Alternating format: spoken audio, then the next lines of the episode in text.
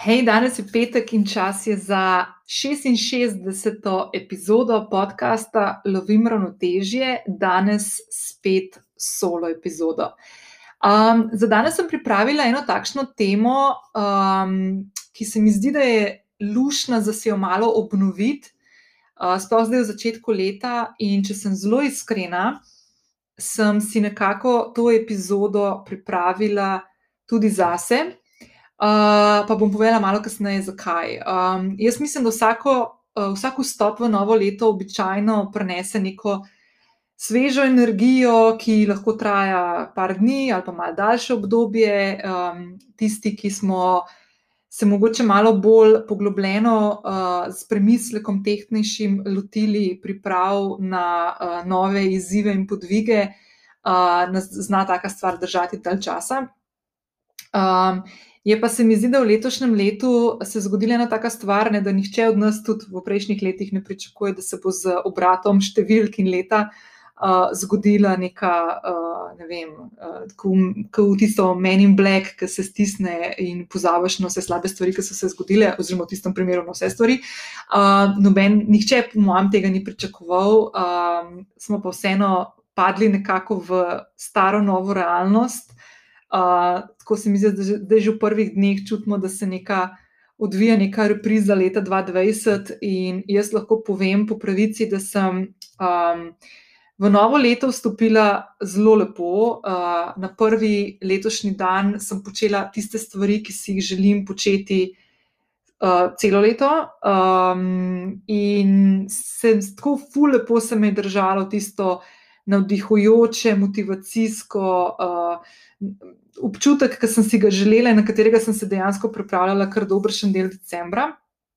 Uh, potem se je pa na prvi delovni dan uh, v tem tednu uh, sta se zgodili dve precej težki preizkušnji za me, ki sta v bistvu zelo tako globoko zamajali to fino načrtovano stopanje v novo leto. In se že cel teden malo lovim um, v, v nekem te, tem hipnem uh, ali pa nekem načinu, kako svoje čustvovanje uh, dvigati na nek boljši nivo, na nek bolj pozitiven nivo.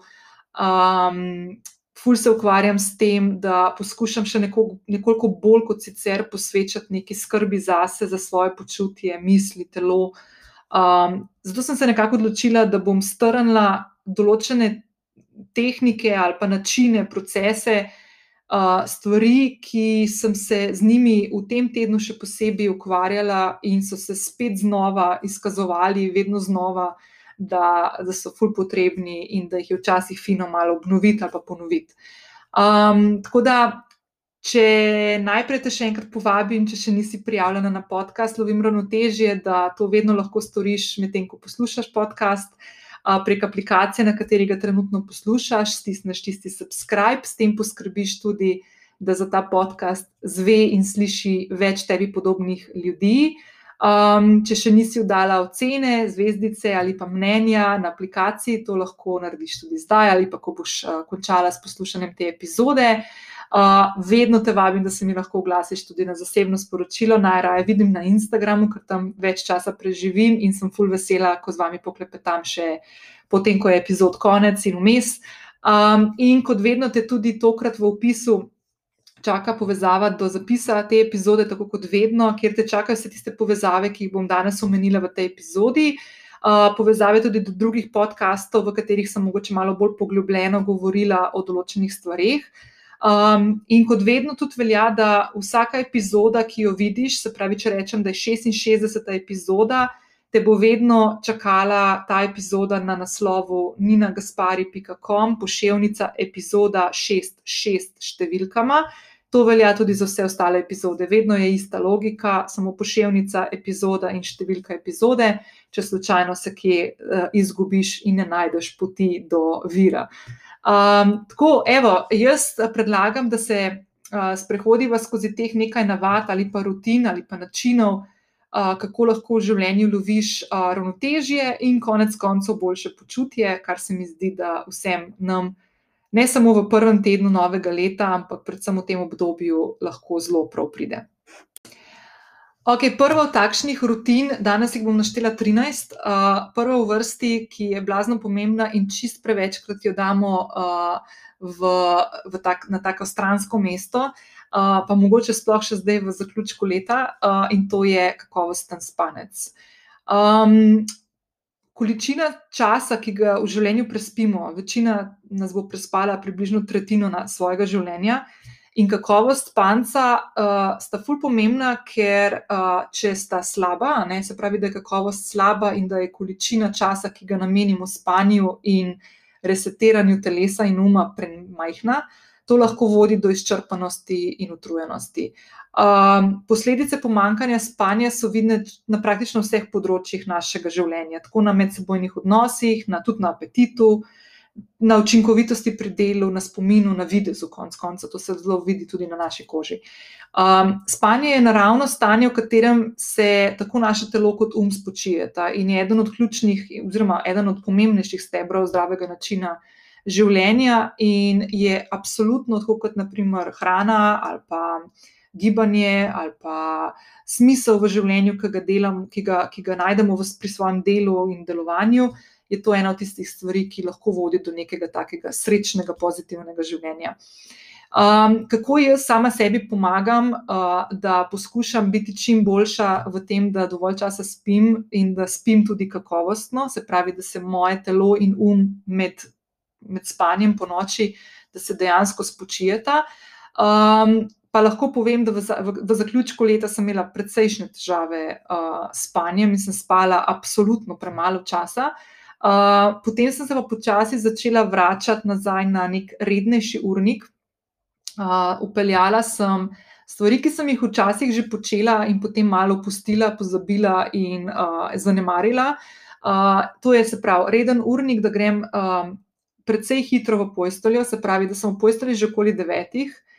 Uh, nehala sem v posteljo nositi računalnik in gledati Netflix, um, in raje vzamem v roke knjigo. In lahko povem, da danes, ko smo uh, konec prvega tedna, um, sem že prebrala dve knjigi v letošnjem letu. Uh, dala sem si nekako cilj, da vsak mesec dve knjigi preberem, kar je v bistvu kar velika, nad, velika nadgradnja tega, kar sem prejšnja leta počela, ampak bi res rada v letošnjem letu več brala. Um, tako da, evo, um, berem, oziroma zaspim, potem ko preberem knjigo.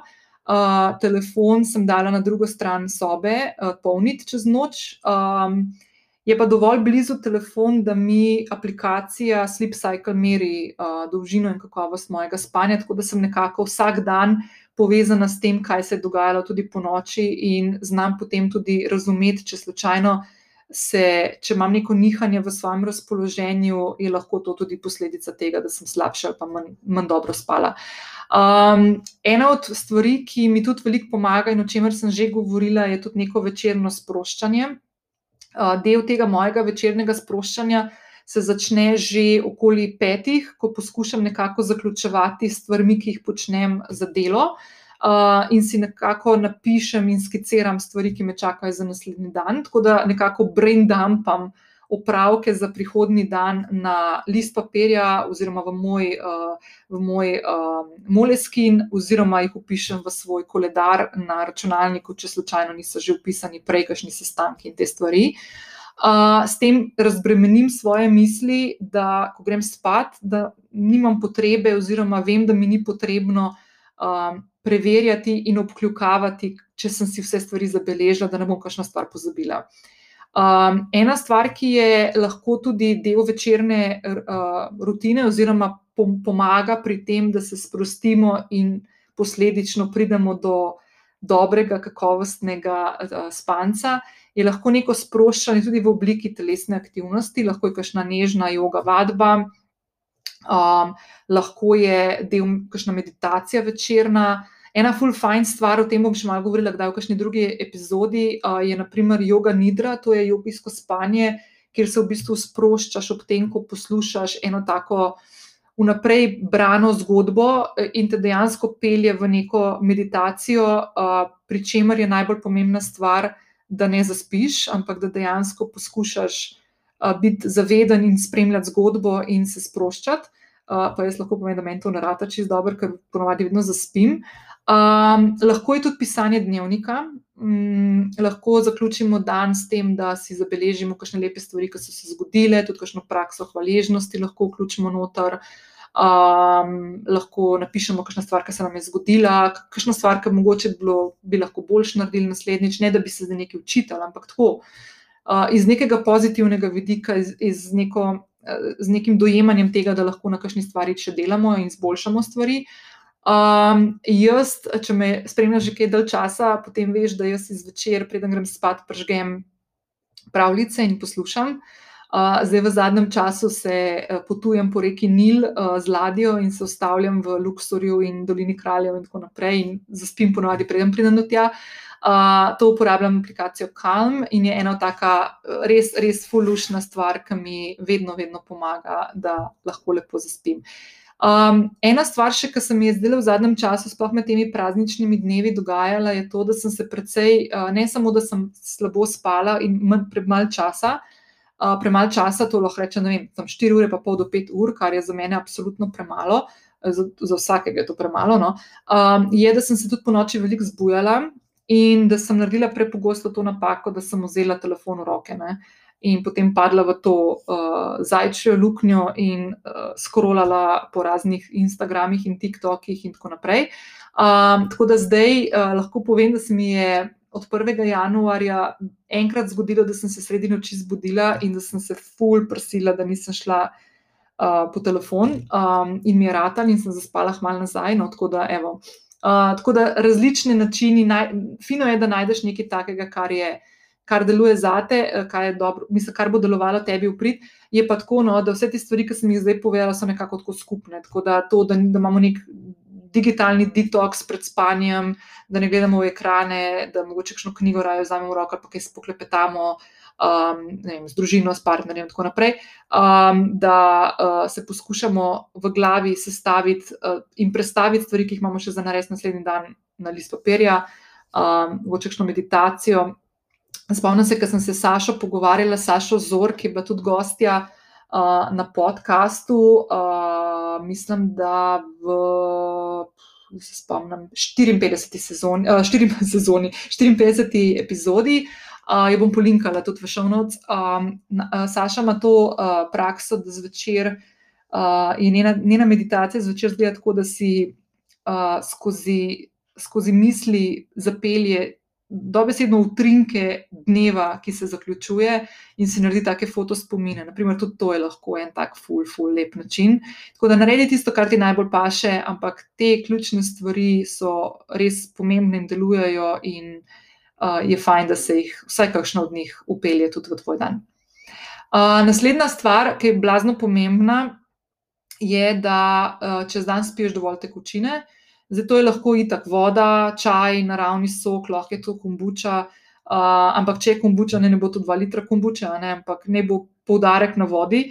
Um, zdaj, tekočina, uh, ki jo vnesemo v svoje telo, vpliva na tako na delovanje naših možganov in celotnega telesa in sistema, uravnava tudi nivo naše energije in vpliva na vse splošno počutje.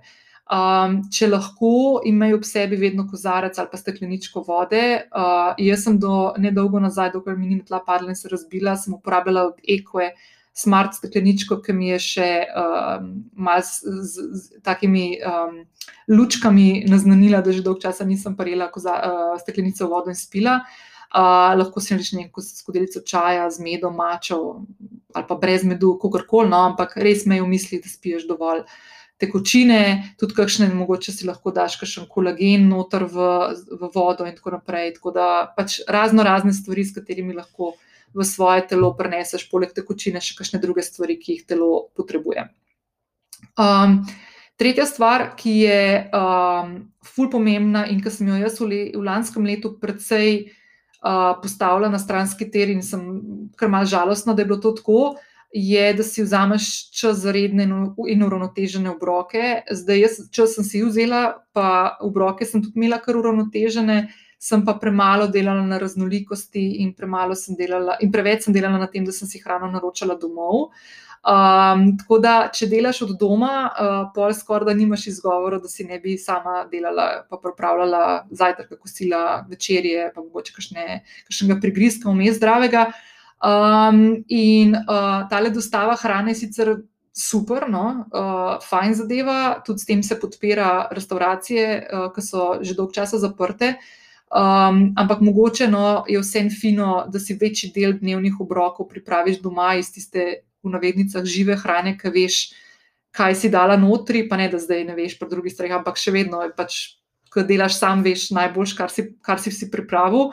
Um, in tisti polnovredni in uravnoteženi obroki, ki vsebujejo vsa ključna makro in mikrohranila, so, so res, res pomemben del um, nekakšnega dobrobiti oziroma nekega uh, uravnoteženega življenja in uh, zadovoljstva, tako mentalnega kot telesnega. Uh, ponavadi je tako, no, da jaz sem ugotovila pri sebi, da um, čez dan je fino, da pojem kakšne pa tako malce lahkotne stvari, sploh za kosilo. Um, običajno kakšne stvari take, da ne oblažijo na želodcu, da nisem potem utrujena, ne, ker hrana bi ti mogla dati energijo, ne da ti jo vzame, zaradi tega, ker tvoje telo porabi večino časa za presnavljanje. Uh, tako da, naprimer, jaz si fura, da čez dan naredim kakšno kvinojo s kakšnim različno zelenjavo, ali pa kdaj si tudi kakšne perutničke dam, pa solato pojem zraven. Pa tako pač odvisno, odvisno od razpoloženja in od tistega, kar imam v tistem trenutku v hladilniku. Sem se pa odločila, da bom v letošnjem letu uh, malo bolj odprla svojih nešteto enih kuharskih knjig, ki jih imam doma in jih čist preveč zanemarjam, in bom poskušala vsak teden vsaj kakšen recept narediti na novo in si s tem mal razbiti to monotonost na svojih obrokih, ki se je čist preveč zajedla v moj vsakdan. Naslednji stebr, ki je tako pomemben kot hrana, spanje um, in tekočina, je gibanje. Um, ful je pomembno, da si vzamemo čas za gibanje, pa je lahko to gibanje karkoli tizga, kar te najbolj sede. Ne? Lahko je to ne vem, neki flow zjutraj ali pa nek stretching, lahko je to sprehod, lahko je neka visoko intenzivna vadba, lahko se oteži, če jih imaš doma, oziroma ne vem, greš zdaj v fitness, ki mislim, da so se lahko malo odprli. Ampak, če si tudi ti oseba, ki večino svojega časa zaradi dela presediš z računalnikom, potem je eden od ključnih načinov, da boš lahko na dolgi rok sedela za računalnikom in delala to, da se gibaš. Um, z gibanjem poskrbiš, da, da boš poleg tega, da boš lažje sedela, boš tudi lažje se osredotočila na svoje delo. In jaz sem v prvem delu lockdowna pripravila niz, mislim, da šestih epizod o produktivnosti, ki vključuje načine, kako organizirati svoj čas in različne type nalog, upravkov, na način, da enak obseg dela upraviš hitreje. Se pravi, produktivnost ni, da delaš več, ampak da, delaš, da delo opraviš hitreje in s preostankom časa, ki ti ostane, razpolagaš tako, kot se ti najbolj želiš. Lahko zato, da si vzameš čas za gibanje, lahko zato, da si vzameš čas za knjigo, ali pa da greš zvečer prej v pojstvo, da zjutraj mogoče prej vstaneš, pa narediš kakšno rutino jutranjo um, da klepetaš eno uro po telefonu s svojim prijateljem ali pa babico ali kar koli. V glavnem, delaš tisto, kar te izpopolnjuje in veseli v, svojem, v tvojem življenju. Um, jaz sem v zadnjem delu let, lanskega leta um, čist presenečeno ugotovila, da grem lahko na sprehod tudi z dežnikom, da tudi po dežju se lepo sprehajati uh, v bistvu še po, v zimskih mesecih še lepše, ker imaš na sebi kakšno tako toplo jakno in ti ne pride daž doživga, kot je naprimer poleti. Uh, pa da je fino iti na sprehod tudi v sneg. Uh, čeprav, naprimer, uh, boš pri tem lahko malo manj korakov naredila, pa boš vseeno fajn utrujena, ker je težko hoditi po snegu. Tako da, ja. Um, naslednja stvar je branje, ki sem ga že omenila. Um, jaz sem v 52. epizodi tega podcasta uh, naštela kar en kup enih knjig, uh, ki so fine, tako za neke tiste ženske, ki, se, uh, ki ste podjetnice ali pa vstopate v podjetniško pot, ali pa tiste, ki uh, razmišljate o tem, ali si želite tega, pa ne veste, kje začeti. Uh, kot tudi tiste ženske, ki iščete neke take inspirativne, navdihujoče uh, knjige, tudi take, mogoče malo bolj ženske, pa ne v tem nekem soap operiš stilu, ampak te, take, ki spodbujajo žensko energijo in kreativnost in tako naprej. Um, če se prijaviš na moje inovičke, mislim, da drugi ali pa tretji dan dobiš tudi en tak seznam, mislim, da 25 knjig, še dodatno določenih izpostavljenih, ki jih nisem v 52 epizodi podcasta. Uh, lahko pa povem, da sem jaz zdaj v zadnjem, zadnjih dveh tednih prebrala štiri knjige, v bistvu. Dejansko sem štiri knjige prebrala in ful sem vesela, zato ker tri od teh knjig so bile slovenske, slovenskih avtorjev.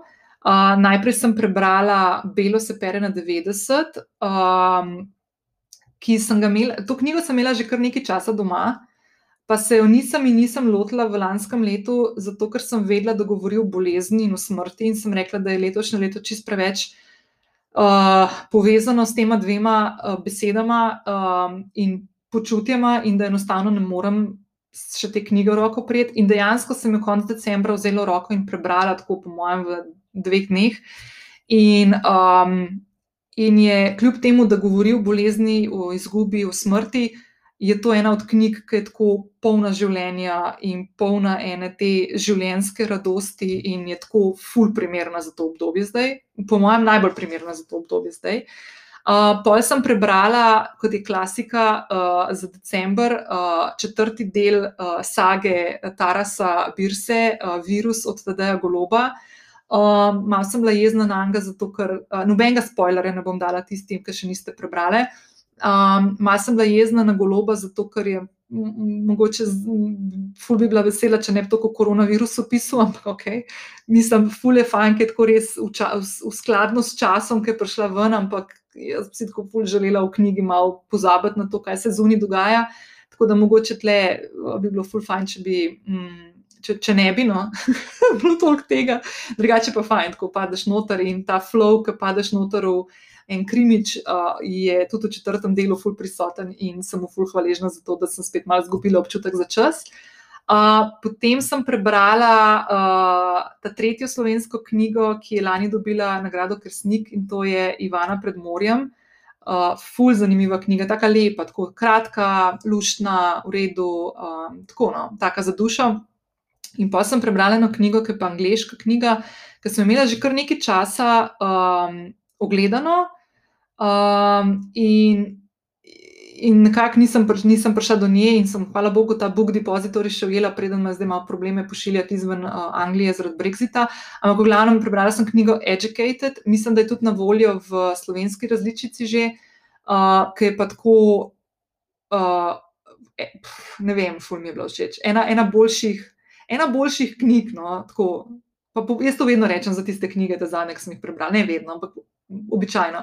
Um, ampak ne, res, res taka, taka zanimiva knjiga o enem delu družbe, ki ga v bistvu ne, ne poznamo, ki nam je tuj, um, kako zgleda, ko pri 17 letih uh, punca, najstnica, prvič pride v učilnico, um, ker je bila prej šolana doma uh, v blazno verni družini uh, ene se, ne bom razlagala preveč na dolgo in široko, no, jo ful predlagam, da jo preberete. Uh, in kako v manj kot desetih letih uh, doktorira na prestižni univerzi v Cambridgeu v Angliji, uh, je tako knjiga, ki premika meje uma in sposobnosti enega človeka, tako ful zanimiva. No. Tako da, evo, ful predlagam, ful priporočam, ampak branje je ena od tistih stvari, ki je, uh, ki ful boža uh, dušo.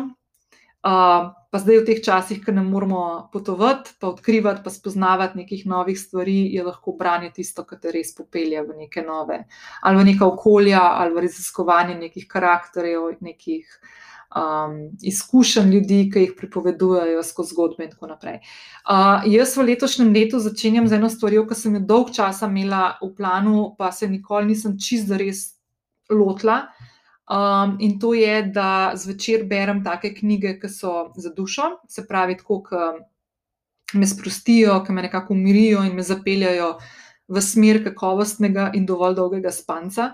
Uh, zjutraj, ko se pa zbudim, um, sem pa nekako začela nadaljevati tisto svojo rutino, ki sem jo že govorila, predvsej v njej, mislim, da v osmi epizodi, ki je še vedno najbolj poslušana epizoda tega podcasta, ko sem govorila o svoji jutranji rutini, ki je zdaj čist drugačna, ampak nima veze.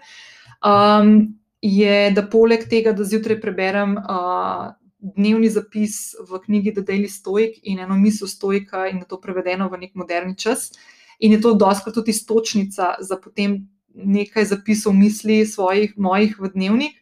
Uh, imam zdaj na svoji uh, jedilni mizi en kotiček, sem si jo ful raztegnila na večje, tako kot takrat, ko sem imela kakšne obiske. Um, in imam na enem delu mize prav tak bralni kotiček. Uh, in imam postavljeno tam kakšno podjetniško knjigo ali pa kakšno tako v navednicah težjo literaturo, v katero potem ugriznem zjutraj z, z počitimi možgani uh, in si zraven delam tudi kakšne zapiske. Tako da trenutno uh, berem knjigo Good to Great, uh, Jima Collinsa um, ki sem jo, mislim, da že omenila v 52. epizodi. Um, in je taka fajn knjiga za vse tiste, ki gradite svoje podjetja, podjetniške zgodbe. Um, tako da, ja, to priporočam. Naslednja stvar je pisanje dnevnika, to sem tudi že večkrat povedala. Um, zapisovanje svojih misli in čustv je, po mojem mnenju, tako najboljša terapija, ki si jo lahko najdeš. Uh, sploh, pol, ko gledaš malo za nazaj, uh, kakšna je bila tvoja pot, kaj si, kaj si že naredila, presegla, na kakšen način se danes mogoče soočaš s podobnimi situacijami, kot si se mogoče v preteklosti. Uh, fule različnih načinov, kako se tega lotiti. Uh, jaz bom dala en vodič, ki sem ga napisala pred časom, kako se lotiš pisanja dnevnika um, v show notes, uh, ga bom polinkala. Drugače pa obstaja en kup enih tehnik, uh, sigurno si že slišala za kakšen bullet journaling, morning pages, lahko je kombinacija, lahko narediš nekaj po svoje. Jaz imam tako zelo različne načine, včasih prepletam z nekim, uh, kakšno, narišem kakšno stvar, počičkam kakšno zadevo. Poskušam vedno nekako tudi vključiti neko hvaležnost znotraj um, malenkosti, za katere sem hvaležna, zato da konstantno vračam svoje misli um, in in v bistvu naravnam sebe kot osebo, kot celoto, kot mene, da gledam na stvari, ki jih v življenju imam, ne na tiste, ki jih nimam. Um, in lahko rečem, da zdaj le že kar nekaj časa um, sem tako. Ne vem, umirjena, hvaležna, ne laufam za stvarmi, ki sem prej mislila, da jih moram imeti, če hočem najti neko osebno zadovoljitev ali pa srečo ali pa karkoli v življenju. Um, sem ugotovila, da vse te stvari že tako imam, sam da se moram malo večkrat na nje spomniti, pa jih ozavestiti. Um, še ena fulj pomembna, oziroma zelo, zelo, zelo učinkovita uh, rutina, ki pomaga pri tem, da znamo handlati uh, svoje čustva, razpoloženje, nihanje razpoloženja um, in svet, ki nas obdaja, sploh v, teh, v tem obdobju, je meditacija. Um, jaz sem o meditaciji govorila na dolgo in široko v 12. epizodi, pa velikokrat sem jo že omenila, uh, pa vedno znova rada povem eno stvar, ki um, jo, po mojem, še vedno čist premalkrat slišimo, oziroma se čist premalkrat pojavi, uh, ko se pogovarjamo in govorimo o meditaciji, in to je, da meditacija ni, da sediš v lotus položaju z ravno hrbtenico 10-20 minut, eno uro uh, in da misliš na noč. Um, to ni meditacija, to je nezmožno, no, nihče na svetu ni tega zmožen. Ne? Tudi največji jogijski guruji priznajo, da so sposobni ne misliti na nič, mogoče 10-15 sekund, potem pa pride, če ne drugega, misel, a na kaj mislim. Um, tako da Uh, meditacija je običajno uh, povezana tudi z dihalnimi vajami. Um, jaz, na primer, svojo meditacijo, pa še vedno mislim, da sem precejšen začetnik na tem področju, um, jo vedno začnem zjutraj. Prva stvar zjutraj, ki jo naredim, grem po telefon, ugasnem sleep cycle, da vidim, kako sem spala, prežgem meditacijski um, app, Calm, in izberem dnevno meditacijo, ki je dolga točno 10 minut in skozi katero me v bistvu vodi uh, glas uh, Tare Levit, meni se zdi, da je ime, uh, skozi to, da odmeditiram tistih deset minut. Um, po običajno, jaz, mislim, neobičajno, sto procentov časa namenjam temu, da uh, delam vodene meditacije. Se pa sem in tja občasno zalotim čez dan, da naredim tudi kakšne dihalne vaje, uh, sploh, ker naprimer so kakšni trenutki, ko me kakšna tesnoba ujame. Um, naprimer, v tem tednu, ki sem čisto na začetku epizode omenila, da sem imela že takoj ponedeljek uh, dve taki težki uh, preizkušnji, pa bom kar povedala, da sem v ponedeljek imela biopsijo, uh, tretjo zaradi HPV-ja. Um, pa bom o tem govorila malo kasneje, v, v tem mesecu še sigurno, ampak malo kasneje. pa v ponedeljek sem zvedla, malo potem, ko sem prišla domov iz bolnice, da mi je babica umrla s COVID-om uh, v Zagrebu. Tako da um, sem imela kar precej takih um, momentov, ko uh, sem nekako padla iz tistega nekega svojega notranjega miru. Um, ki sem si ga fulpo pripravila uh, v, ob vstopu v novo leto, in sem bila fulp vesela, da mi je ratal. In potem se zgodijo določene stvari, na katere ene veš, da jih imaš, pa se na to pripraviš, druge se pa zgodijo praktično uh, v trenutku, ko najmanj pričakuješ, da se lahko kaj takega res zgodi. In uh, je meditacija oziroma um, nekako vračanje k dihanju um, in osredotočanju na globoko dihanje. Je lahko en tak, ful, dober način, kako presekaš tisto, uh, notranjo dramo, ki se ti normalno v takih trenutkih dogaja in odvija. Uh, tako da, če te zanima, kaj več o meditaciji, te vabim, da greš na 12. epizodo. V show notesu za 12. epizodo, se pravi ninagaspari.com, pošiljka epizoda 1-2. Uh, boš našla tudi en kup enih povezav do člankov, ki sem jih že napisala o meditaciji, o tipih meditacije, kakšne so prednosti, uh, uh, kdaj jo je fajn izvajati, kaj ti pri tem lahko pomaga. Mislim, da je ne pet ali šest člankov, sigurno na moji spletni strani, na temo meditacije že objavljenih. Naslednja stvar, ki sem jo tudi danes že malo omenila, je digitalni detoks, predvsem kar se telefona tiče in vseh mobilnih aplikacij, krasnih, nadkrasnih, ki te lahko posrkajo vase. Um, jaz uh, sem poskušala že v preteklosti s tem, da sem si kakšne vikende vzela kot detox vikende in so se v bistvu vedno izkazali za full fine. Um, sem se pa nekako odločila, da um, tega ne bom več delala, zato ker je vse um, predvsej mojega dela in konec koncev življenja povezanega tudi z družabnimi omrežji in tudi konec koncev sem vas na začetku te epizode um, sem vas povabila, da mi kakšno sporočilo pošljete, tako da jaz rada te stvari potem vidim in tudi odgovorim. Uh, sem pa naredila eno stvar konec lanskega leta, ki je v bistvu se izkazala mi za boljšo, kot to, da delam digital, digital detox vikende ali pa dneve. In to je, da sem zelo, zelo omejila čas, ki ga namenim na določenih aplikacijah. Jaz sem si na svojem telefonu, nisem si dala omejitve, koliko časa sem na telefonu, zato ker jaz telefon uporabljam predvsem tudi za službo in ogromno časa preživim na telefonu. In če rečem, da sem vem, pet ur ali pa šest ur na telefonu, to ne pomeni, da sem pet ali pa šest ur na Instagramu in scrollam ali pa na TikToku in scrollam levo-desno. Uh, tako da ne delam si neke omejitve za aparat, ampak sem si dala omejitve za mobilne aplikacije in dala sem si omejitve na tistih mobilnih aplikacijah, na katerih preživim večino časa, izven tistega časa, ki je namenjen delu in uporabi telefona in aplikacij za delo, ali pa, za, ali pa konec koncev za sprostitev. Naprimer, nisem dala omejitve na meditacijskih aplikacijah, nisem dala omejitve na uh, mailu ali pa na telefonu, SMS-ih, pa to. Um, dala sem pa omejitve na uh, Twitterju, dala sem na Instagramu omejitev, dala sem na TikToku. Na TikTok sem dala 15 minut na dan, sam tok, uh, pa Facebook, pa te stvari, te, te zadeve sem tako res umela, pa Google. To sem omejila, um, zato ker sem videla, da mi čist preveč časa um, mi gre v, v noč. In se, mi, in se mi je zaenkrat izkazalo to kot football winning, kot naprimer, da damo omejitev, ne vem, dve uri pa pol na cel telefon. Ne? Naslednja stvar, ki je ful pomembna, o kateri sem tudi že govorila, um, in sem bila enkrat prav malo razkurjena, ker sem o tem govorila, kako sem jezna, da smo kolektivno sprejeli eno besedno zvezo v lanskem letu in jo vzeli čist za svojo, in to je ta socialna distanca ki je čist napačna besedna zveza. Um, in sem rekla, da bi bilo ful bolj, da bi govorili fizična distanca, pa socialna bližina. Um, in socialna bližina je tista, ki je nujno potrebna, sploh, vedno, vedno, ampak sploh pa zdaj v tem času.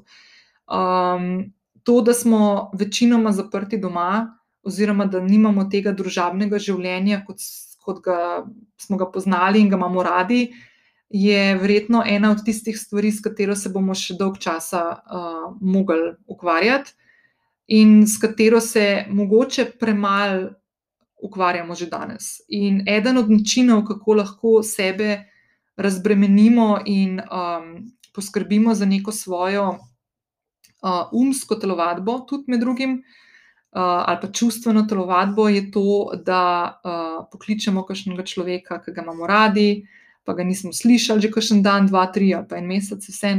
Um, da uh, na mesto, da na Facebook napišemo nekomu vse najboljše, mogoče dvignemo telefon, pa pokličemo, pa pošljemo SMS, pa rečemo, hej, kdaj bi imel čas, da se slišva.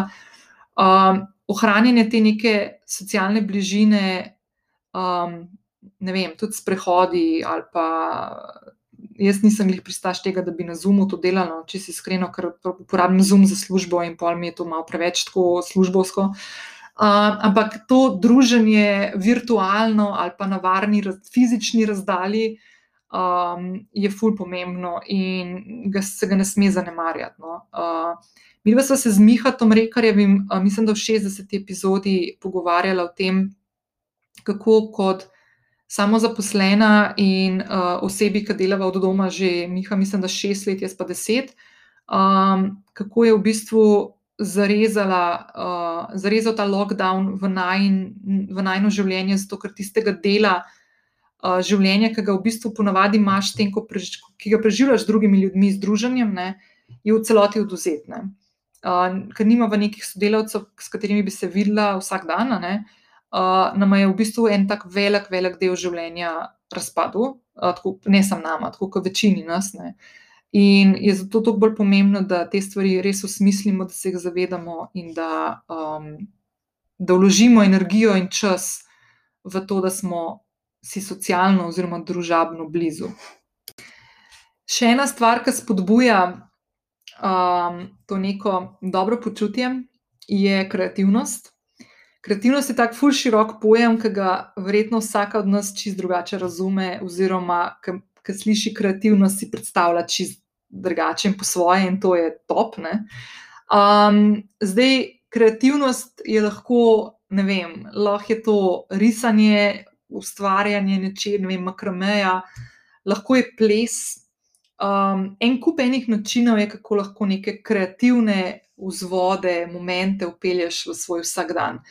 Uh, nekaj tistega, kar te uh, veseli, kar te navdihuje z, nekim, z neko pozitivnostjo, um, kar, kar, kar pomisliš, ti malo zaigra srce. No? Um, zdaj, eh, ker smo pač toliko časa doma, ne, in imamo, rečemo, da če si vsaj približno tako podobna mojemu lifestylu, kot ga imam jaz, ne, da se pravi, da mogoče ne vem, živiš sama, pa imaš časa več kot dovolj, ker nimaš drugih obveznosti z družino, otroci, šolanjem od doma in tako naprej. Uh, mislim, še enkrat, kapo dol vsem, ki to izvajate že toliko mesecev, kralji in kraljice ste totalne. Uh, ampak obstaja en kup enih uh, načinov, kako lahko usvajaš tudi neke take kreativne nove hobije. Um, jaz mislim, da sem že pred časom omenila Udemy, pa Skillshare ali pa ne vem na YouTubu, brezplačne stvari. En kup takih zadev je, ki lahko uh, kakšna nova znanja, um, naprimer, tudi uh, se učiš in izpopolnjuješ. Uh, jaz, naprimer, sem se nekako zadala, da bom v letošnjem letu malo s fotografijo se ukvarjala uh, in že ogledane ene tečaje, fotografske, tako za telefon, uh, fotografijo z iPhonom, kot s fotoaparatom. Um, tako da, ja, um, to so vedno take, ali pa pobarvanke, zdaj so bile fu prečasov moderne, to, da barvaš uh, z različnimi barvami, kakšne vzorce. To, to, je en, to je lahko tudi del meditacije, mimo grede. Ne. Tako da uh, te stvari so vedno ful zaželene in fajn in vedno je fino kreativnost upeljati uh, v svoj vsakdan. Jaz običajno poskušam del kreativnosti upeljati že v jutranjo rutino, in največkrat se mi ta del pokaže v dveh delih moje rutine. Prvi je pri pisanju dnevnika.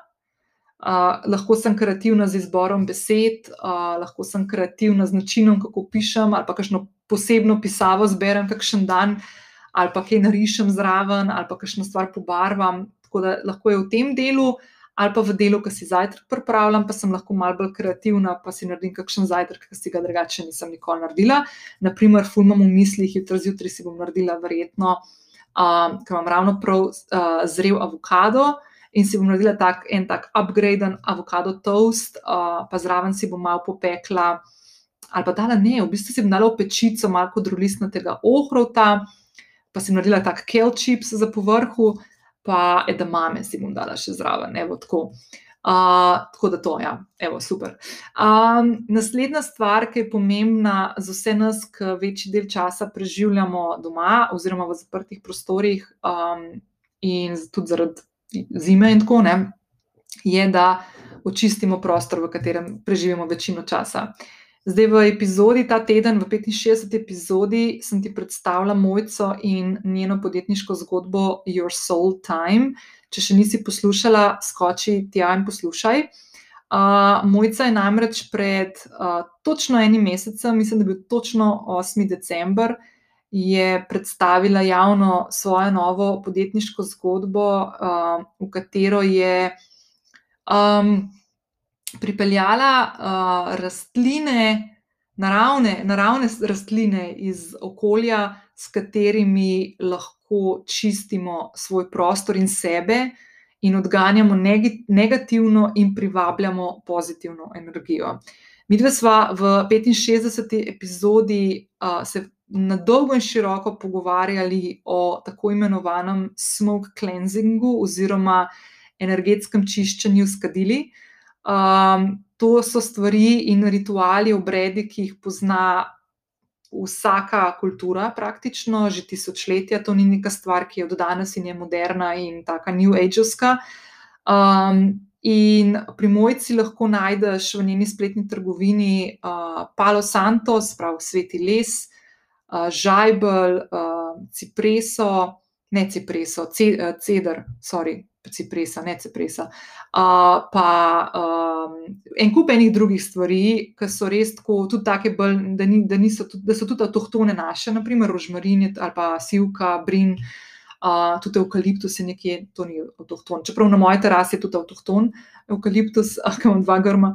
Um, ampak ja, ogromno, ogromno takih uh, lepih izdelkov, s katerimi lahko um, počistiš svoj prostor. In jaz sem se tega lotila že kar nekaj časa nazaj, kakšno dobro leto, ampak zdaj v zadnjem obdobju pa to delam tako res, res velik. In je, in je noro dober občutek, ko spraviš uh, te, ta balast, ki se nabira okrog nas vseh. A pa se tega zavedaš, ali pa ne, še vedno je tam. Uh, um, je full fajn, da to spraviš ven iz sebe in uh, iz svojega doma, in je tako čist, tako bolj lahkoten občutek, polk hodiš po svojem stanovanju. In čisto zadnja stvar, ki ne velja samo za zdaj, ne, ampak za vedno, tako kot vse te stvari, ki sem jih danes nekako povzela, je, da si nežen. Da si nežna in prijazna do sebe v tistem notranjem dialogu, ki ga imaš. Um, s tistimi svojimi sindromi usiljivke, uh, ki jih imamo vsi. Um, in ful je fajn, da se spremljaš, kako um, sebe naslavljaš, če se s kom pogovarjaš, da ne rečeš, a budala, kjer je budala sem, ne, ali pa koza.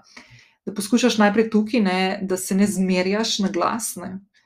In pol, ko enkrat to usvojiš, ne, um, vse se še vedno to dogaja, to, to so kar postopki. Ne. In ko to usvojiš, se začneš lotevati tega notranjega dialoga, ki ga imaš. Ker se lahko, če se na to osredotočiš, pa če si pozorna, se boš hitro našla uh, momente, ko se kritiziraš ali pa uporabiš kakšne negativne besede zase. In eden od načinov, ki sem ga jaz pred kratkim uh, dejansko uporabljala, ker sem ga slišala kar nekaj časa že nazaj na enem podkastu, ne vem, če sem spomnila na kjer, mislim, da ne. Uh, je, da ko se zalotaš, da se samo obtožuješ, ali pa da se sama s sabo grdo pogovarjaš, ta interni dialog, da je res tako ful težek. Um, vzameš v, v, v roke telefon, uh, prežgeš voice message ali pa nek snemalnik in se posnameš, poveš na glas tisto, kar si si povedala v notranjem dialogu.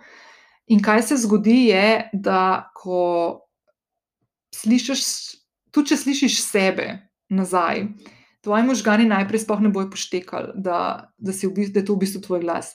Ampak nekako iz tvoja misel ujeta z glasom v sporočilo negativno, um, bo. Pri tebi dosegla to, da se, boš, da se boš zaščitila. To je nekaj takega, kot če bi ti slišala svojo prijateljico, ko v sebi govori tako, kot se ti znaš sama s sabo pogovarjati, boš ful ustavljen in boš do nje zaščitniška. In ko isto stvar narediš pri sebi, s tem, da uporabiš svoj glas in svoje sporočilo in kritiko na sebe, boš sama pri sebi, ko boš to nazaj poslušala, se zaščitila pred tem. In je ful taka lušna, lušna vaja za self-care ali pa biti bolj ne, učenje biti nežnejši do sebe. Tako da, evo, um, tako le nekako sem si zamislila in uh, čist v bistvu brez nekega tehnejšega in globokega razmišljanja pripravila to epizodo, uh, malo zato, ker imam res tak uh, čuden teden za sabo in uh, sem imela malo težave razmišljati, um, kakšno vsebino bi ta teden pripravila za petek. Um, in sem zato izbrala, da v tem tednu um, dam take zgodbe, ki so uplifting, uh, ki tudi mene opominjajo na to, da je življenje fulepo. Če ga, gleda, če ga znamo gledati skozi lepo perspektivo in skozi pozitivne filtre, um, da smo kapitanke naše ladje, ki je življenje, in da je od nas odvisno, kako se bomo v življenju počutili skozi vsak dan. Um, vem, da smo zdaj vsi že blazno, sitni, tečni, na živce nam grejo vse iste stvari. Um, in ne gre za zanemarjati te občutke in čustvovanja in izgube, um, ampak enostavno je treba pomisliti na stvari, ki si jih lahko prvoščimo, um, da si svoje dneve usmislimo in da si jih naredimo malo lepše. Um, to še posebej velja za tiste, ki sami živimo, če si iskreno, uh, ki smo mogoče še malo bolj podhranjeni v teh nekih. Um, na nekih odnosih in bližini sočloveka, um, in so določene tehnike in načini, ki sem jih danes, med drugim, tudi že opisala in povedala, ki ti in nam lahko pri tem ful pomagajo.